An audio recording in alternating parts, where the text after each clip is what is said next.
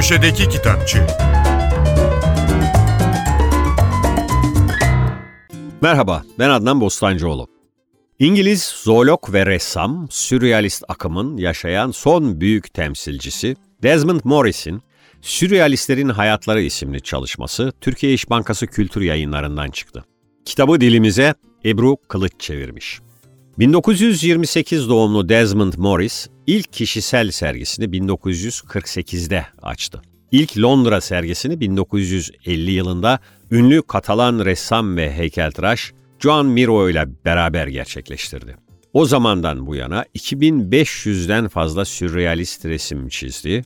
Eserleri hakkında 8 kitap yayımlandı. Kendisi de kitaplar kaleme aldı. Bunlardan biri olan Çıplak Maymun 12 milyondan fazla kopya satarak tüm zamanların en çok satan 100 kitabı arasına girdi. Desmond Morris 1956 ile 1998 yılları arasında yaklaşık 700 televizyon programı hazırlayıp 400'den fazla televizyon röportajı gerçekleştirdi. Morris bugün 98 yaşında ve hayatını İrlanda'da sürdürüyor. Sürrealistlerin hayatlarına gelirsek. Morris kitabına yazdığı girişte sürrealizmin esasen bir sanat hareketi olarak değil, bir felsefi kavrayış olarak doğduğuna işaret ediyor. Yepyeni bir yaşam tarzıydı sürrealizm diyor. Birinci Dünya Savaşı'nda dünyaya korkunç bir kıyım yaşatmış yerleşik düzene karşı bir başkaldırıydı.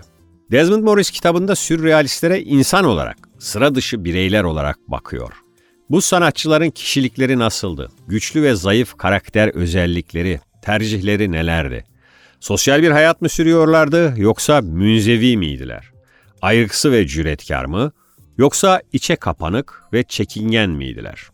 Morris'in aktardığı komik, sarsıcı, eğlenceli anekdotlar, sürrealist felsefeye yaklaşım açısından sanatçıların eserlerinde ve hayatlarında gözlenen çarpıcı değişkenliği de açığa çıkarıyor. Kimler yok ki?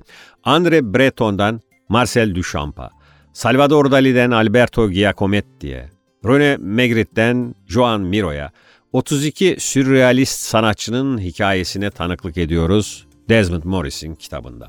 Hasılı sürrealistlerin yaşam öyküleri, mizaçları ve çoğu zaman karmaşık aşk hayatları, sanatçıların fotoğrafları ve eserleriyle birlikte çok canlı bir tarzda resmediliyor sürrealistlerin hayatlarında. Newbery Onur Ödülü sahibi yazar Margie Preus'un küçük okurlar için yazdığı Minik Kızıl Gezgin Ketebe Genç yayınlarından çıktı. Hikayeyi dilimize Mahmut Coşkun çevirmiş. 1792 yılında Jean-Pierre adındaki kızıl bir sincap, Kanada Montreal'den Minnesota'daki ticaret merkezine seyahat eden gezginlerin olduğu bir kanoya kaçak biner. Minik Kızıl'ın tüm isteği onlar gibi gerçek bir gezgin olmak ve kendini ekibin üyelerine kabul ettirmektir. Ne var ki kürek çekmek, yemek pişirmek ve şarkı söylemek gibi becerilerden yoksun oluşu diğer gezginlerin pek hoşuna gitmez. Gezginlerin kunduz postu ticareti yaptığını öğrendiğinde ise dehşete düşen Kızıl, uçan sincap Monik ile işbirliği yapar. Birlikte orman sakinlerini korumak için bir plan yapıp gezginlerin kalplerini yumuşatmayı ve geçim kaynaklarını değiştirmeyi umarlar. The New York Times hikaye için büyüleyici, doğayla iç içe, ayrıntılarla dolu demiş. Okuyucuya akıllı ve cesur bir sincap olmanın nasıl bir duygu olduğunu hissettiriyor diye de eklemiş. İranlı Mevlana uzmanı Nahal Tajadot'un Aç Melek isimli kitabı Kırmızı Kedi yayınlarından çıktı. Kitabı Türkçe'ye Makbule Aras Eyvazi çevirmiş. Nahal Tajadot kitabında Mevlana ile Şems'in bir araya gelişi ve sonraki ayrılıklarını anlatıyor. 13. yüzyılda İran ve Anadolu Moğol saldırılarının hedefindedir. Gezgin bir derviş olan Şems, manevi bir dost bulmak üzere Anadolu'ya gelir. Konya'da Mevlana ile karşılaşması her ikisinin de hayatı için bir dönüm noktasıdır. Tacadod'un kitabında Şemsit Tebrizi bütün bu süreci kendi ağzından, kendi sözleriyle anlatıyor.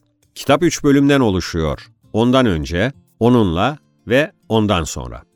Şems'in önce İbnül Arabi ile buluşması, sonra Mevlana ile karşılaşması ve ondan ayrılması, esas olarak Şems'in makalatından yapılan seçki üzerinden anlatılıyor.